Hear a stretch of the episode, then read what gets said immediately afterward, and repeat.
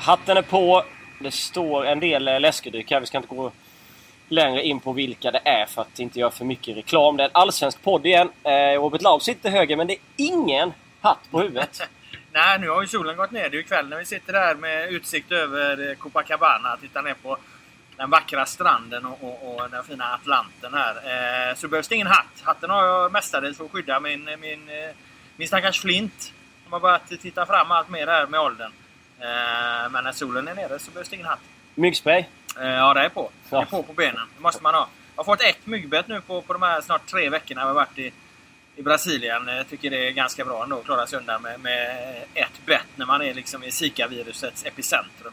Ja, Hope Soul var ju väldigt orolig för Zika-viruset innan vi åkte hit. Vi ska komma in på henne. What goes around comes around. Ja, exakt. Vi ska komma in på det lite senare. Jag har lite halvdålig hals. Jag vet inte om det är Zika eller om det bara är en klassisk... Eh... Det låter som Zika. Ja, det, du låter, tycker det jag. låter exakt som. Det kom nya rön nu om Zika. Att det, det, är fan, det är inte bara farligt för, för foster och sånt där heller. Det kan vara farligt för vuxna också. Påverka minnesfunktion och inlärning. Så mycket mer begåvad än vad du redan är nu. Det blir det nog fan inte Zikan som har tagit det här nu. Frågan är om jag kommer komma ihåg poddens schema med tanke på att jag sitter det, här med, Fan, jag tror det är, det är inga stora odds för det alltså. med mitt Zika-virus i mig eh, helt enkelt. En person som vi inte vet om han hade Zika eller inte, hur, hur, varför han gjorde som han gjorde, det var ju den här 17-åriga killen. Ja. Som sprang in på planen mellan Jönköping och Östersund. Eh, Det var och, jävla övergång det du. ja, jag vet. Från, från trams och trams till en av de eh, ja, obehagligaste jävla grejer på, Ja. på många år i, i Allsvenskan. Så man får ju gå tillbaka till eh, Ja, till eh, ja, den eh, supporten som miste livet här, Djurgårdssupporten, för några år sedan egentligen innan man hittade en lika allvarlig eh, incident i svensk fotboll. Eh, Alltså en... Jönköping, ja alla vi kan ju storyn liksom, men vad fan springer in och pucklar på målvakt som match bryts där. Det, det, vad fan, det var jävligt obehagligt alltså. Mm, övergången kanske var lite hård där för, i, i podden. Men det, är alltså absolut, det är en fruktansvärd grej som hände. Mm. Och, eh, Ja, och särskilt när man... Det blir ju väldigt komplicerat det här för att... Eh, det här finns det naturligtvis mer information än som har gått att publicera hittills. Och eh, då kan man tycka att okej, nu sitter ni i en podd där och, och, och ni kan berätta allt ni vet. Ja, när vi sitter i en podd så pratar vi ändå under utgivaransvar här, vilket innebär att, att det ställs vissa regler och krav på vad, vad vi får säga eller inte. Det vi säger här måste vi någonstans också kunna Eh, skriva i en text på samma sätt eh, som att vi pratar om det. Därför så kan jag till exempel inte säga allting jag vet om den här situationen för att vi har tagit beslut om att inte publicera alla uppgifter som, eh, som vi har fått av den enkla anledningen att vi, vi, vi har dem inte 100% eh, bekräftade och vi har inte funnit eh, dem 100% eh, relevanta att publicera. Ännu ska ju sägas, det här är en levande, det här är en levande publicering, en pågående publicering. Så det kommer ju att skrivas mer om det, kommer att komma fram mer grejer. Jag menar, det kommer bli en rättegång så småningom, ett Ja. åtal som kommer bli offentligt. Bla, bla, bla, bla, bla, bla. Eh, men just nu kan man inte säga så mycket mer än att jag anser att det här är jäkligt allvarligt för, för svensk fotboll. Jag har uttryckt det på, på Twitter lite där och var att Lägger du ihop det här med den hatkultur som finns med, med liksom det kastas knallskott mot Tobias Sana och, och, och annat elände som har hänt, hänt liksom, så tycker jag att som fotbollsserie så har Allsvenskan enorma problem just nu. Det står jag för. Ja, det här alltså... Eh, jag kommer ihåg att jag läste mycket grejer där i början. Att folk liksom spekulerar att, att det ska ha det med det ena och det andra att göra. Jag ska inte nämna vem som skrev det eller vilka som skrev det och så vidare. Men det är ju... Man kan ju inte gå ut i det här läget heller och börja skriva att det här, eller börja prata om att det handlar om det här eller skriva Nej. att det handlar om det där. Så Nej, det, det är klart att man kan säga att, att liksom, jag menar, springer du in på en plan eh, eh, flyger på första bästa spelare. När du sen blir gripen så hävdar du att du har, liksom, har, har, ställt eh, en väska med en bomb på läktaren. Jag menar, det är uppenbart att, att personen vill att den här matchen ska avbrytas. Och, och en spekulation som ligger nära till hands är ju att det handlar om någon form av matchfixning som vi, ju- vi vet att, att svensk eh, fotboll har haft problem med eh, i de lägre systemen eh, mest. Men, men det finns även tydliga indikationer på, på att det ska ha förekommit högre upp. Men vi vet ju inte om det är matchfixning och vi vet inte i, i liksom, vilken roll den här personen i så fall har haft. Vad är det för spel? Var? Bla bla bla. Så det går ju liksom inte att slå fast någonting egentligen. Nej, men om vi säger... Vi säger att... Vi, vi vet ju inte hur det här skulle vara. Men om det i framtiden skulle komma ett fall där man skulle förstå att det här skulle vara matchfixing. Då skulle det vara, ursäkta språket, extremt jävla allvarligt. Ja, det är klart, det här blir ju en annan form här. Då, då, då öppnar det upp för att okej, du kan gå in på vilken match som helst egentligen. Du behöver liksom inte, behöver liksom inte ha några spelare, göra upp med några spelare eller någonting. Utan du, du, du satsar bara något så in i helvete. Och sen liksom ser man att det där går, går åt helvete, det blir inte så tillräckligt många mål i matchen som ju man anser vara, vara ett vanligt sätt att göra, göra upp matcher. Liksom, att det ska bli mycket mål. Man spelar på att det ska bli mycket mål. Det blir bara 1-1. Ja, då skickar man in någon, någon slags springpojke liksom, som får, får bryta matchen helt enkelt. Eh, jag menar, det går att göra när som helst, hur som helst, var som helst egentligen. Mm. Det är klart att, att är det så, så, så får man lägga eh, ett jätte, jättestort problem till, till raden av problem som redan finns runt på, på fotbollssidan. Alltså, man blir ju... Jag, jag, förstår att du twittrar. Jag höll ju med dig när du twittrade. Och man blir liksom less på att, eh, att det här ska komma. Eh, I det här läget som, som det gör. Det är alltid ett dåligt läge. Men någonstans att liksom fortsätta med svensk fotboll. Vi kan aldrig ha flera säsonger utan massa skit liksom. Nej, det är ju bara att titta på hur, jag menar, det, vi läste ju BBC-artiklar dagen, dagen, efter där liksom. Som nu har det hänt i Sverige igen. Mm. Liksom andra gången på, på samma säsong en match i Svenska ligan eh, bryts. Mm. Kan inte spelas färdigt. Så det är klart att det blir en negativ eh, stämpel runt, runt Allsvenskan. Inte på grund av vad vi skriver om det, utan på grund av det som händer. Och skulle det hända i en annan liga och vi skulle sitta hemma och läsa det så skulle vi tänka alltså vad är det där för liga? Så det är klart att andra också tänker exakt likadant om, om svenska ligan när det kommer episoder på episod. Ja, det är klart. Det är ju det, det, är ju det man tittar på. Man tittar på att det blir matcher som blir, blir avbrutna. Ja, nej, vi får ju se helt enkelt eh, vad det där ska ta slut. Jag kan inte datum och jag vet inte riktigt hur det kommer... Nej, vi sitter ju lite, lite långt eh, bort ifrån det nu som sagt i och med att vi sitter här vid Copacabana då och, och, och spekulerar ganska så, så vilt. Men, men det är klart att det sista ordet om den här historien är inte sagt. Nej. Vi går från eh, det tråkiga till det roliga för svensk fotboll då. Eh, och framförallt då för IFK Göteborg. Mm. Eh, en runda eh, spelad. Hemmamötet är avklarat mot Karabag. Jag satt här i en podd och sa att Karabag var vassa. De hade mycket boll. De skapade mängder med fasta situationer. Jag tror de vann hörnorna med 12-3 eller 13-3 eller sånt där. Och, men Blåvitts taktik var ju å andra sidan att, att ligga lågt. Blåvitt tar vinsten med 1-0 efter en jävla frispark från danske Mats Hallbäck. Ja, men det är en framgångsrik eh, taktik i dessa tider. Jag menar, det, det, det, är ju den fotbollen som gäller just nu. Jag menar, Portugal vann, vann VM med, med, defensiven. Island hyllades för sin defensiv. Leicester vann Premier League. Leicester vann Premier League. Pia Sundhage ja. firar triumfer här nu i, i, i, Brasilien med, med sin fotboll. Och så nu IFK Göteborg då. Bra för svensk fotboll. Eh, IFK Göteborg är ju faktiskt 90 minuter Eh, Eh, håller nolla från att avancera till ett eh, Europa League-gruppspel. Och det skulle i så fall bli sjätte raka året och Sverige har representation i, i de europeiska cuperna. Det är ju fantastiskt viktigt för, för framtiden för svensk fotboll. Ja, det är ju ett viktigt år med. För man mm. räknar de här fem senaste året. Och för fem år sedan hade vi ju, hade vi ju lag där. Så ja, det var både AIK och Helsingborg där 2011 ja, som, så... som var Europa League. Så det drogs in mycket poäng där. Va? Så det är klart det är jätteviktigt. Sen är det ju extremt viktigt för Göteborg också. Jag menar, vad fan pansat Kamratgården och, och den där ekonomin har ju varit ett svart hål den senaste tiden. Så att det, det behövs ju pengar in där. Och för underhållningen i Allsvenskan så vill man ju inte heller att de rear ut någon eh, lovande fotbollsspelare och bra spelare till någon annan liga. Utan att pengarna behålls inom svensk fotboll och omsätts mellan klubbarna och klubbarna blir, blir starka Ja, så blir det ju aldrig riktigt. Men, men, men man, önskar det. man önskar ju det. Men uh, oavsett, även om de värvar från andra ligor kanske, så, så är det bra att det kommer att liksom, svenska klubbar hämtar Uefa-pengar och, mm. som de sedan kan värva spelare. Jag menar, nu ser vi ut att få en toppstrid här mellan, mellan Malmö och, och, och, Norrköping. Och jag menar, är det Malmö och Norrköping så mycket bättre än alla andra, då är det klart att det är de två som ska göra upp om det här. Men det är klart att det är en roligare toppstrid ifall vi hade haft en, en, en strid där Malmö, Norrköping, AIK och IFK Göteborg, alla fyra mm. liksom, hade varit ett galet race, lite som det var förra året. Då, det är ju då det blir som mest drag kring svensk fotboll. När vi får med storstäderna, när vi får med lite fler lag. När det inte bara blir liksom ett, ett race på två. Men fixar de att åka till Azerbajdzjan och, och hålla 0-0 eller få med sig 1-1 eller eventuellt förlora till och med med 2-1? Alltså gör de ett där så har de ju en jävla bra chans. För då, då, då, då, vad fan, då, räcker det, då måste de ju göra tre. Liksom. Ja. Det är ju det som är... är... Matematiken. Ja, det, ja, precis. Det var ju det, det är den är ju fantastisk den historien. Det var ju Svennis eh, 1982. Det var ju IFK Göteborg också. Eh, IFK Göteborg har vunnit med 1-0 mot Hamburg i hemmamatchen. De ska möta Hamburg borta. Och eh, eh, Svennis märker att spelarna i Blåvitt är lite, liksom, lite darriga när de ska ut på Folkparkstadion i, i Hamburg där och då så han samlar dem och säger eh, Killar, hur, har, vi, har vi spelat någon match i, i, i, den här turneringen när vi inte har gjort mål? Nej, säger spelarna då. Okej, vad händer om vi gör, vad gör ett mål i den här matchen mot Hamburg? Ja, måste Hamburg göra tre mål. Åh fan, säger Svennis. Har vi spelat någon match i den här turneringen där vi har släppt in tre mål? Nej, säger spelarna. Ut och gör första målet. Det dröjer, vad är det, en halvtimme så har Dan Corneliusson gjort 1-0 och sen eh, Tugge Nilsson 2-0 och, och Stig Fredriksson på straff 3-0. Av bara farten där och så Sveriges första Uefa-cupguld. Kungen är Så att, eh, 1-0, ja precis. Där, där, där, alltså man brukar ju säga så liksom att eh, eh, du kan inte vinna så himla mycket med snack och så, men det där är ju ett av de bästa exemplen jag någonsin har hört liksom, på, på där det verkligen betyder. Jag tror han vänder liksom den oron eh, som, som Blåvitt-spelarna har när de ska ut till bara ett jävla självförtroende med ren fakta liksom. Mm. Ja, riktigt bra.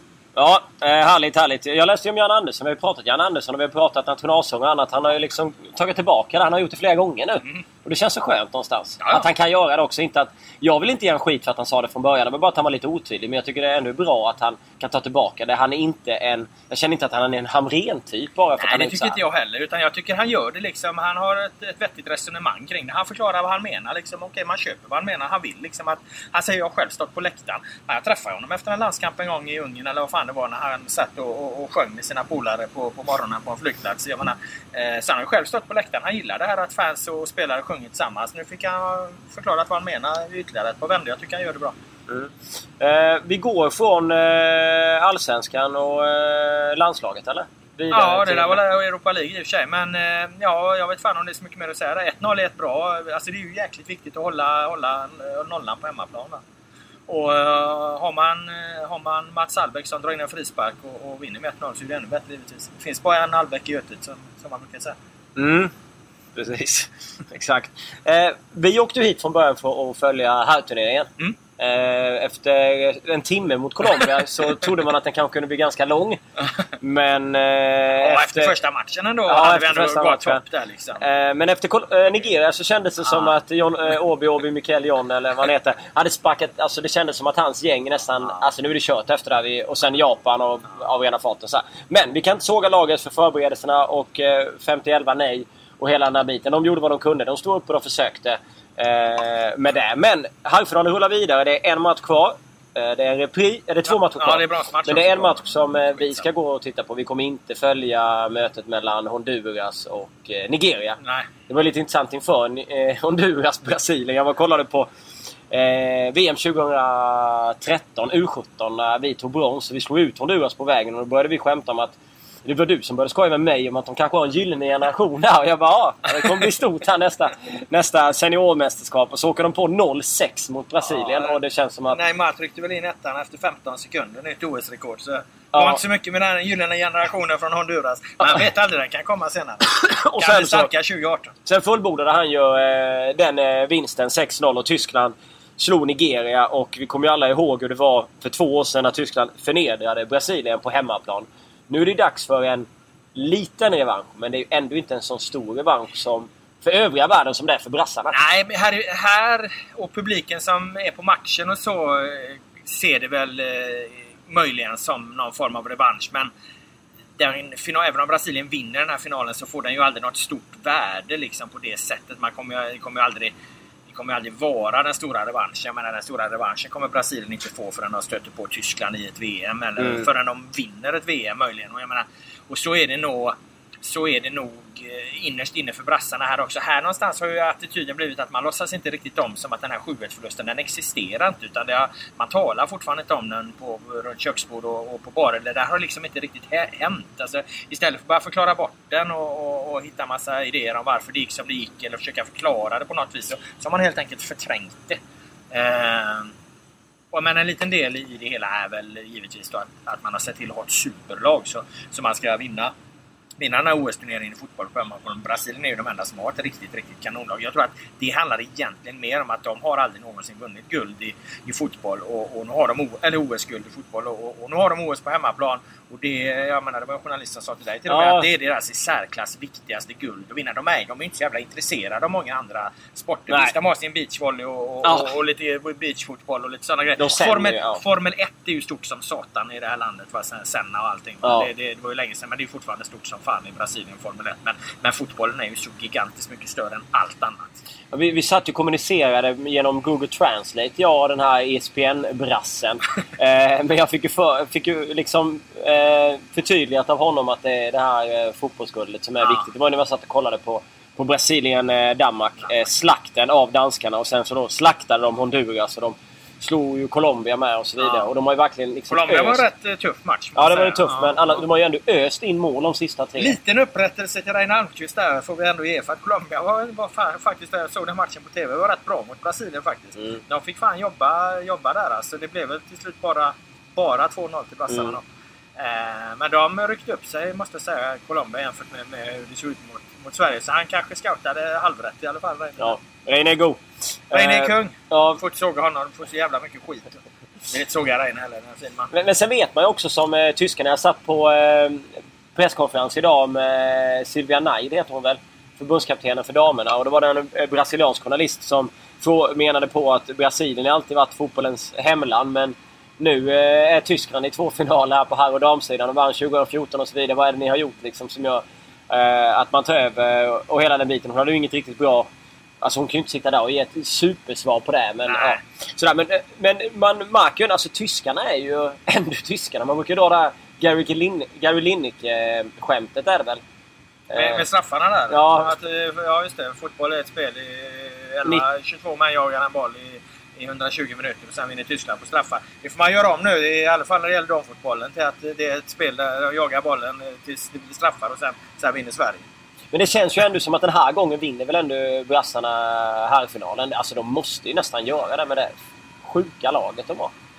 Alltså jag menar, har du bara fått en någorlunda bra, bra eh, uppväxt, då har du fått med dig med modersmjölken att du har respekt för tysk fotboll. Jag Jo. menar, det skulle kunna införas som ett, eh, ett eh, grundämne i, i skolan, att, att lära sig respektera vad Tyskland kan göra i finaler och, och mästerskap, om inte annat ett fritt val på gymnasiet. Så att, det är klart att, att inför en final att det aldrig går att räkna bort Tyskland. Det, vi har ju tjafsat lite om det, huruvida de har ett bra lag eller inte. Alltså jag, jag tror ju att de har ändå fått välja hyfsat fritt bland de här unga spelarna vilka de vill ha i och med att jag menar Bundesliga är inte ens igång än. Så att det har inte varit, de har inte stoppats och så spelare på det sättet. Nej men de har ju Bender, de bröderna. De har Selke med och de har han, eh, vet han, Petter han, Eller Petter, ja, jag vet inte hur han uttalar sitt eh, namn. Men han som öste in mål i, i Schweizer Bundesliga förra året. Ja. Du har Mayer, du har eh, Gnabry i Arsenal. Så det är klart att det är ett bra lag liksom. Ja, och de är ändå komfortabelt 2-0 mot, mot Nigeria i, i semin. Det känns som att de växer lite, tyskarna, i, i, i den här turneringen.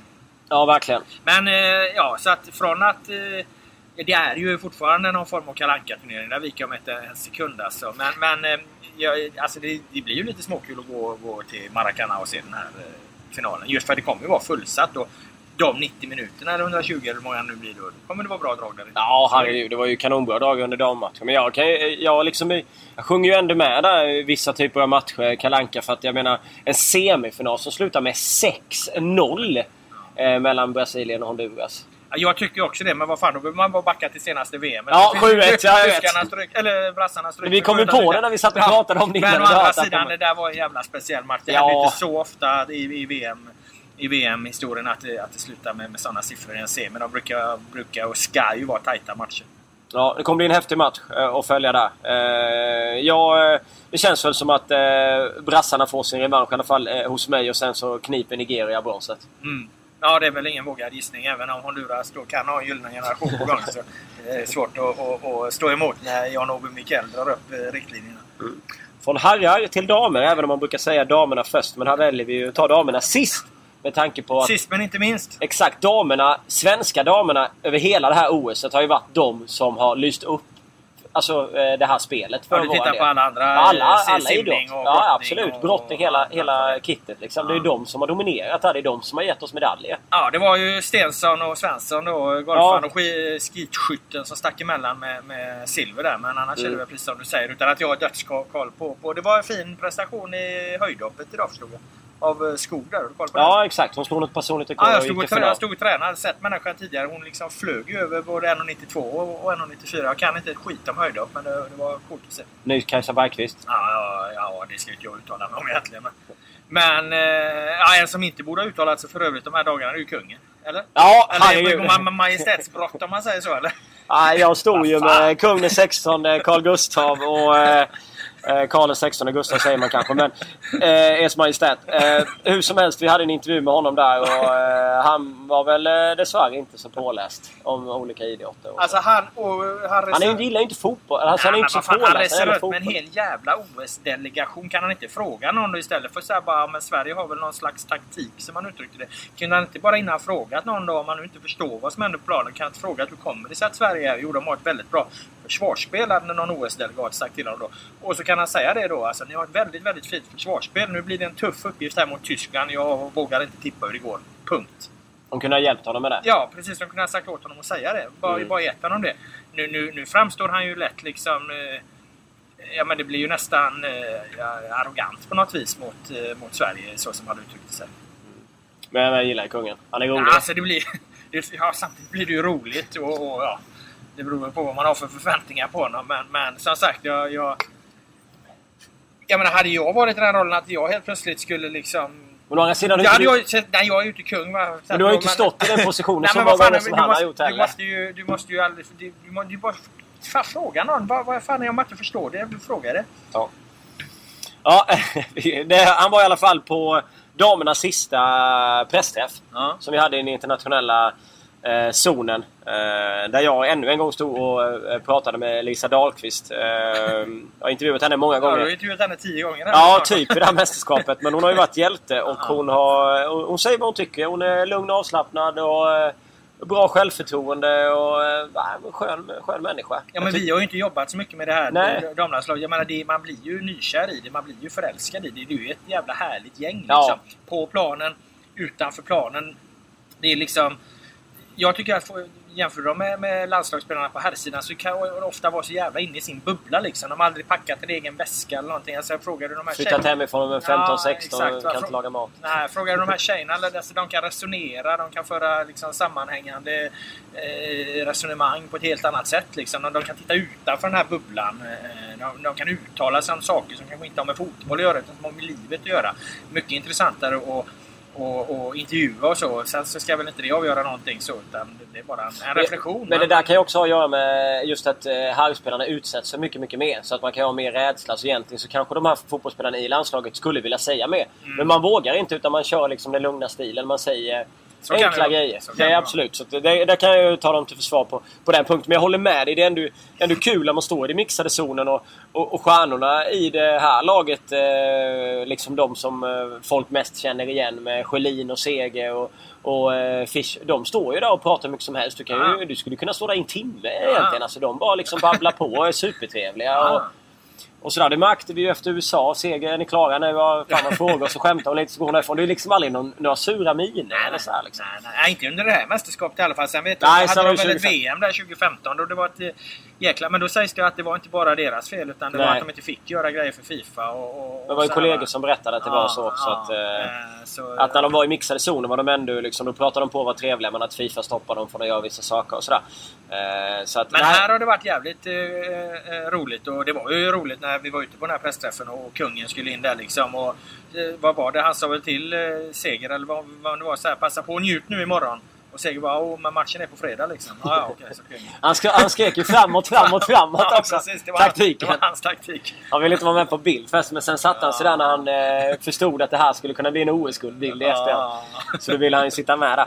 Eh, nej men alltså sen så, jag gillar ju Pia med. Alltså hon, hon pratar väldigt, väldigt bra eh, engelska. Hon har ju varit och, eh, förbundskapten för USA så det är inte så konstigt. Men det är roligt också när hon går emellan. Jag har ju min dialekt och Laula har ju sin dialekt. Jag låter väl lite mer bonnig och Göteborg, eh, har vi en göteborgare som sitter bredvid mig. Men det, men det är kul att liksom Pia Sundhage går från den där klockrena amerikanska dialekten till den bonniga svenskan ett emellan när hon säger sina namn och sådär. Hon, hon pratar på, hon sjöng lite idag på presskonferensen och körde Times are changing för att visa liksom att nu ska vi ändra på det och sådär.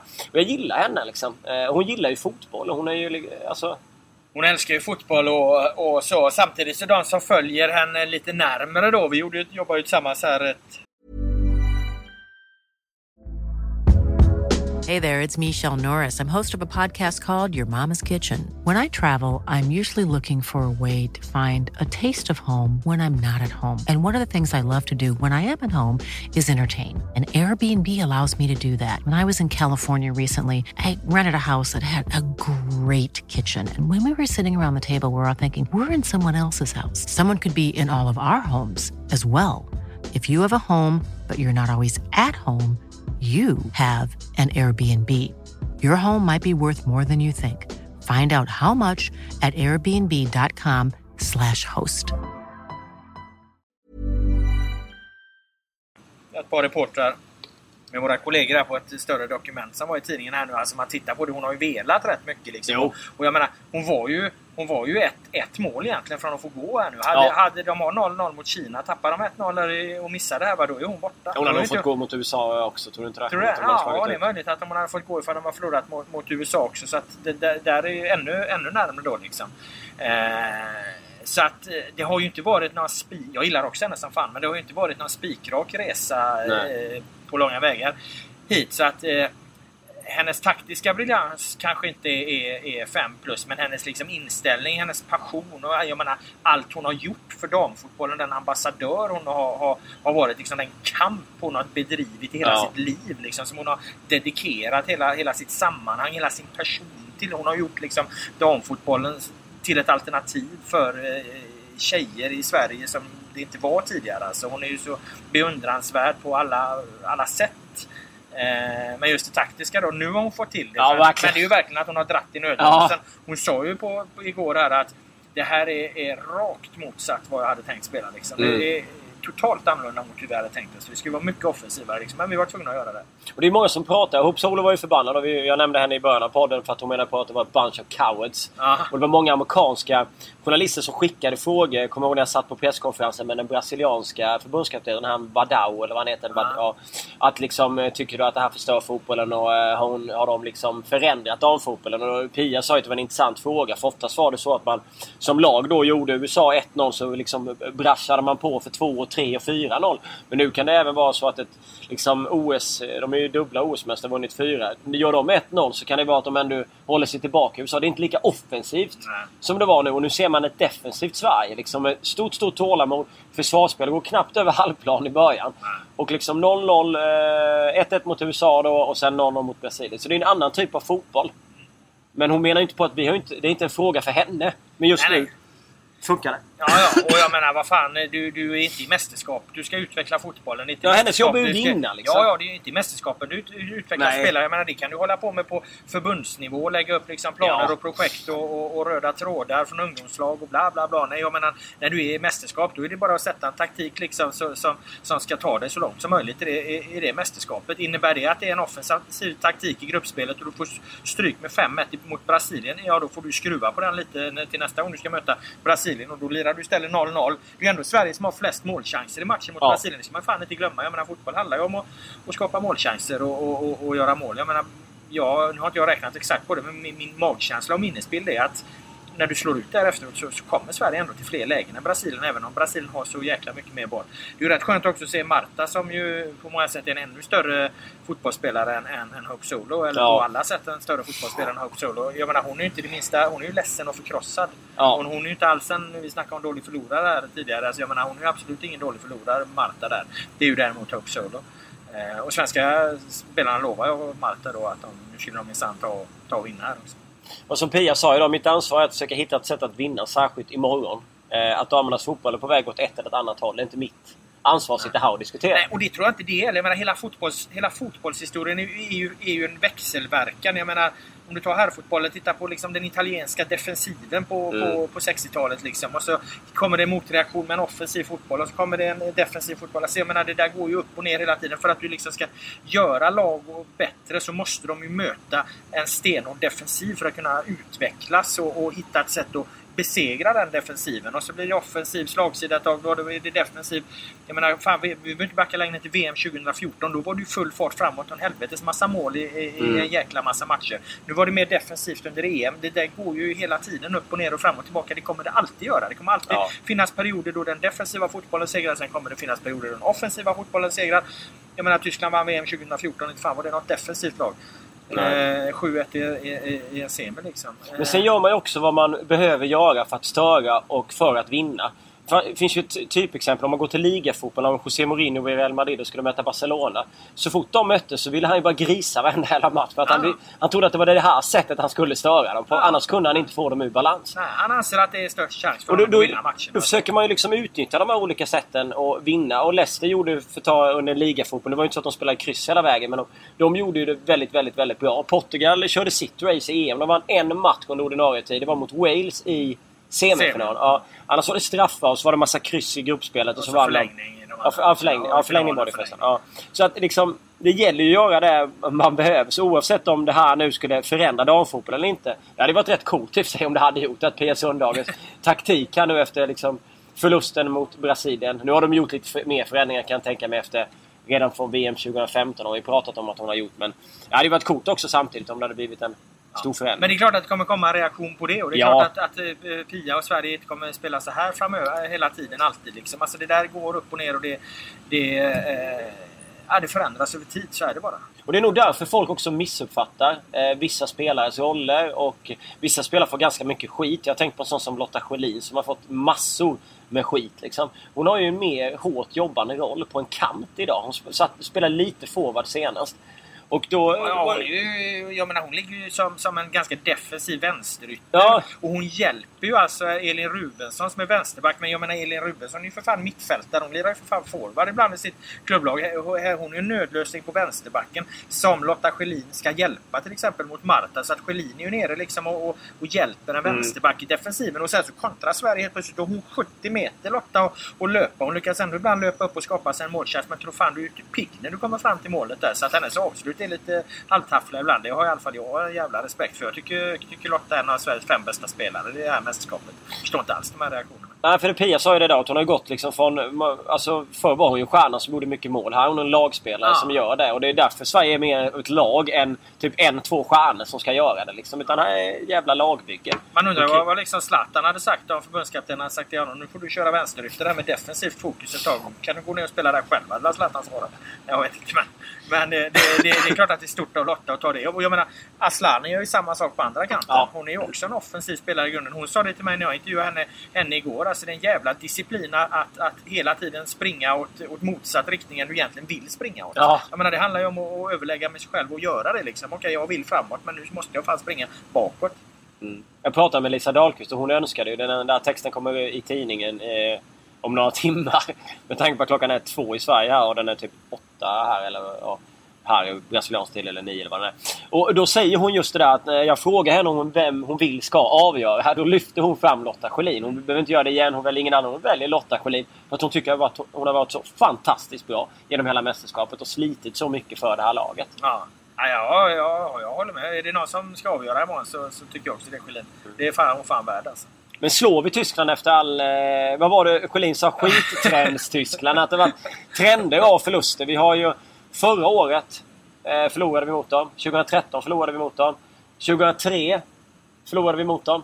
Eh, vi har inte vunnit mot dem sedan 95. Jaha, det är möjligt. Jag har inte den Nio raka men- torsk. Nej, alltså det är ju lurigt. För jag menar, tittar du på Tyskland så... Ja, Okej, de vann mot, vad fan var det, Zimbabwe i första matchen här med, med, med 6-1. De spelar någon jä- 3-4-3 eh, taktik där. Sen har de ju satt ett 4-3 3-system då, eh, Silvia Nej där. Och, och sen har de ju bara vuxit. Lite Ja. halvskakiga resultat i, i, i gruppen. Men sen har de inte släppt in ett mål i, i, i, slutspelet. De har 1-0 i, eh, mot Kina va, i kvarten och, Och och så 2-0 2-0 mot Kanada. Kanada. i semi. Så det känns som att de bara växer. Och de har ju hon, eh, vad heter hon, Beringer där, eh, släpande forward. Hon har Ja. ju för fan gjort fem mål. Tre, två på straff i och för sig, men fem mål är mer än Sverige gjort tre mål totalt. Hon ensam har gjort, har gjort fler mål än Sverige och hon kommer ju ligga på, på eh, bakifrån. Vår kollega Bergström hade för övrigt räknat ut att tre mål som Sverige har gjort, det är det minsta.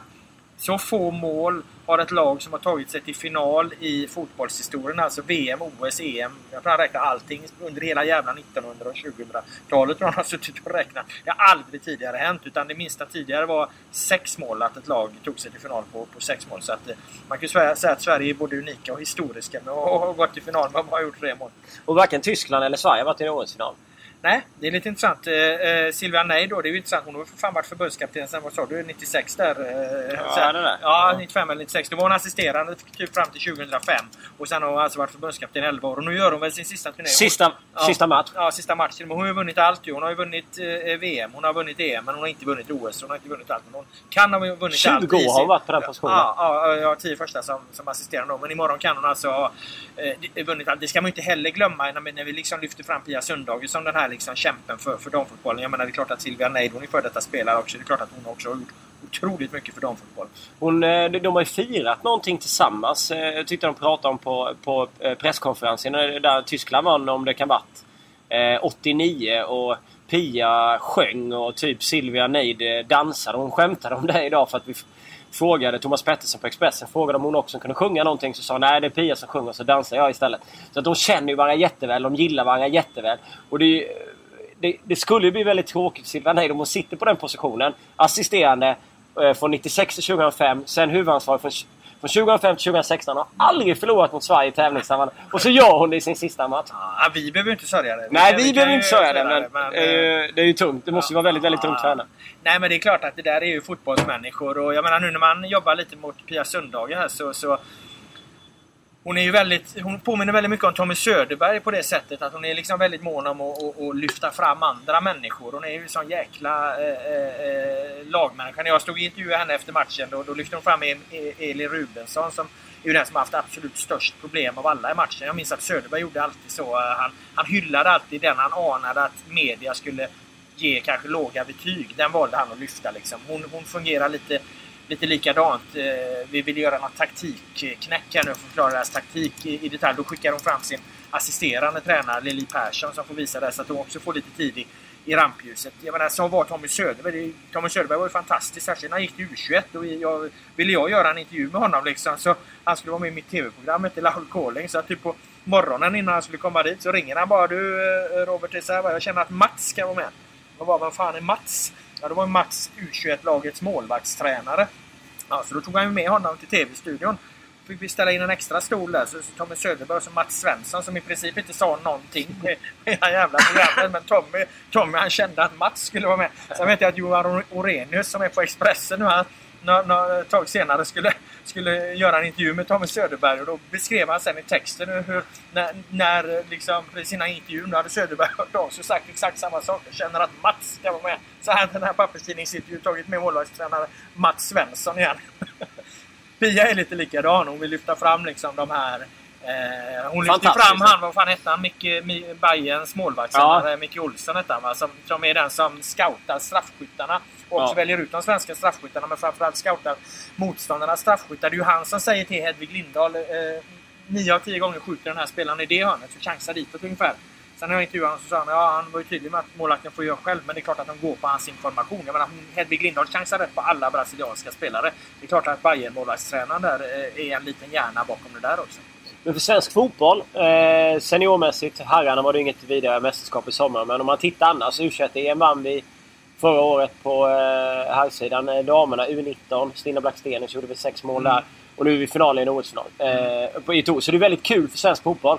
Ja. Att vi har de här framgångarna. Ja, precis. Va? Det känns ju någonstans som att... att, att Fläkten det är... går igång här. Ja, ja, ja. Jag hoppas inte det stör. Nej, men det känns ju någonstans som att vi inte är så jävla bra. Men sen kommer de här små liksom, grejerna som, som lyfter upp det. Och, och ja, det här är ju otroligt stort. Alltså, jag är ju lite inne på att om Sverige skulle vinna det här OS-guldet så måste det vara fan den största prestationen i, i svensk landslagshistoria. Då. Det är större än VM VM 58, det är större än eh, VM 94 på herrsidan. Det är större än damerna 2003. För jag menar, man måste ändå mäta det i, i medaljer och valörer. Annars kommer man in på massa andra konstiga jävla diskussioner. Det måste ändå vara guld som, som värderas Särskilt också när man har gått den vägen som man har ja. gjort. Det är liksom inte så att man har slagit ut några eh, pisslag på vägen fram. Utan det är USA, Brasilien och sen Tyskland. Ja, Jämför du det med herrfotbollen om Sverige skulle gå och ta ett guld på seniornivå ja. med de bästa spelarna i ett VM och vi skulle slå ut sån, den typen av lag på vägen fram. Ja men 94 då slog ju Sverige ut Saudiarabien i åttondelen och Rumänien. Det är jävligt bra Rumänien ja. i, i kvarten. Ja herregud Men, men, men, men så att den är, det är ju en riktig jävla skalp Rumänien-matchen. Mm. Inget tal men sen så förlorade de ju faktiskt mot, mot brassarna i semin. Och jag menar Bulgarien... Eh, Ivanov hade ingen rolig Nej men de eh, slet latte. Den som sprang i, i Bulgarien där i, i bronsmatchen det var, vad heter han, Stoichkov som ville vinna skytteligan. Ja, men, var det väldigt kul. Ja. Ja, fantastiskt. Vi satt och kollade på gamla bilder på Ravelli när han gjorde en räddning och så tog han ner handen och bara kom, gjorde liksom kom och plocka. Typ så här. Ja, men vi, vi funderar ju på om alltså, det värsta domslutet som svensk fotboll någonsin har åkt på. Om det är den här eh, i damernas VM-final 2003. Mm. När de blir eh, bortdömda mot... Eller bortdömda, jag vet inte. Det kan jag... Domaren, vår kollega, hade fått tag på domaren som dömde finalen där. Mm, Så, ja, hä- hävdade att det, det var korrekt liksom än idag. Så att, ja, skitsamma. Men det, vi kommer fram till att det var det värsta domslutet för svensk fotboll i en så avgörande match. Och då tänkte vi, kan, kan liksom Terns utvisning 94 mot Brasilien, kan det varit ett fel, felbeslut? Liksom? Men hade, nej! nej! Jag hade ett svagt minne av att det var en rätt klockren stämpling. Och, och ja, vi kollade upp det och där var ju den ju så, det, är ju, det, var- det är ju rödare än en blodapelsin det kortet liksom. Eh, Det har faktiskt kommit in lite frågor, vilket jag tycker är imponerande. natten, ja, mitt i natten. Det, det, ju, det kommer uppgift om att eh, Dalkurd letar ny kommun att spela i. Och att det skulle eh, eventuellt, eh, enligt DT då, så kan det bli Uppsala. Och folk frågar nu då eh, vad de skulle heta, vad det skulle innebära och hur det skulle vara. Vad har du för åsikt av att Dalkurd flyttar till Uppsala? Eller från Borlänge till Uppsala? Eller, det är lite sjukt att man flyttar. Ja, ja alltså det är ju helt oinsatt i bakgrunden där så det vågar jag inte uttala mig om eller säga egentligen någonting. Om det kan bli ett jävla liv då, då gör man som, som kungen. Va? Det är bättre att, bättre att hålla käften och säga något dumt. För att, eh, men eh, jag vet ju att det skedde väl med, vad heter de? Eh, Det har ju med hem- AFC och Eskilstuna. Hade vi inte en sån grej här nu för ett tag sedan? Att de tar, tar över varandra. Eh, eh, tar varandras plats. Kommer du ihåg det? Ja, just det. Men jag tror Så- att det här kan ha lite med Domnarsvallen och arenan att göra. Ah, okej. Eh, Ah. Att de, eh, Borlänge kommun inte tänker rusta upp den och, och så Ah. lite andra saker. Ah. Sen så har de väl klagat tidigare, tror jag. Ah. Men aj, jag vet inte vad de skulle heta i, Uppnå, men det är väl bara att köra på, med samma, eller? Dobbsala. ja, exakt. Ehm, är det rimligt, frågar Fredrik, Fredrik 1K, eller Fredrik med i ett blir ju en etta istället. Är det verkligen rimligt att MFF säljer Tinneholm utan möjlighet att ersätta honom? Eh, nej, hur, ja, han menar eh, transferfönstret. Mm. Men då anser de väl att de har, eh, har eh, ersättaren i truppen där. Har de inte eh, dansken som kan lira där? Eller har de eh, gett upp förtroendet på honom? Eh, Han har ju inte varit där så länge så han borde väl eh, vara aktuell. Ja. eh, Andreas Windheim. Ja, så heter han. Exakt. Eh, han har inte spelat så jävla mycket nu. Eh, nej, jag kan förstå att man reagerar lite så. Det är klart att det, det bästa är ju givetvis eh, självklart formen. Att, att göra sina affärer så att, eh, så att eh, ja, man, kan, man kan förstärka upp de som säljs. Men, men den här frågan om liksom transferfönster och hit och dit. Det kommer ju alltid skapa jobbiga situationer. Så är det ju bara. Mm. Vi, I och med att eh, Sverige inte ligger i takt med, med transfers. Och tyvärr får vi leva med det för alternativet att liksom göra om serien och bara spela höst, höst vår. Det är, inte, det är liksom inget alternativ. Det, det, det skulle vara ännu sämre på alla sätt och vis. Så då kommer det dyka upp sådana här lite halvknasiga situationer istället. Och sen får man väl säga också att han kanske känner att han vill gå också för att han ska få lite mer fart på karriären. De har en 21-årig Windheim som har gjort en 10-12 matcher sedan 2015. De måste ju tro ändå lite på att han kan få en utveckling och testa honom. Ja, absolut. Eh, Fredrik samma. I procent, vad ger ni Göteborg för chanser att gå vidare i Europa League-kvalet? Är det 50-50? 35-65? Nej, du menar att, att, eh, att, eh, i, att Blåvitt skulle ha 35 Ja. Nej, vad fan. De har, nu måste väl ha en fördel nu när de har vunnit med 1-0 hemma? Eller? Jag vet inte. Ja, vad fan. De har mötts en gång och Blå, Blåvitt har vunnit en gång. Och, och 1-0 är ett bra resultat. Jag skulle säga att det är 60-40 till Göteborg med, med, med det resultatet. Ja. Sen så eh, visst, det är möjligt att, att eh, Garbag är ett sånt här lag som...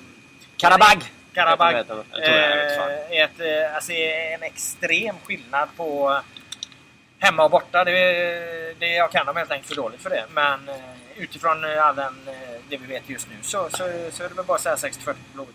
En landslagsfråga från Oskar Lindgren. Nu ställer ni er till att spela kval på Tele2 när det är svårt att fylla Friends.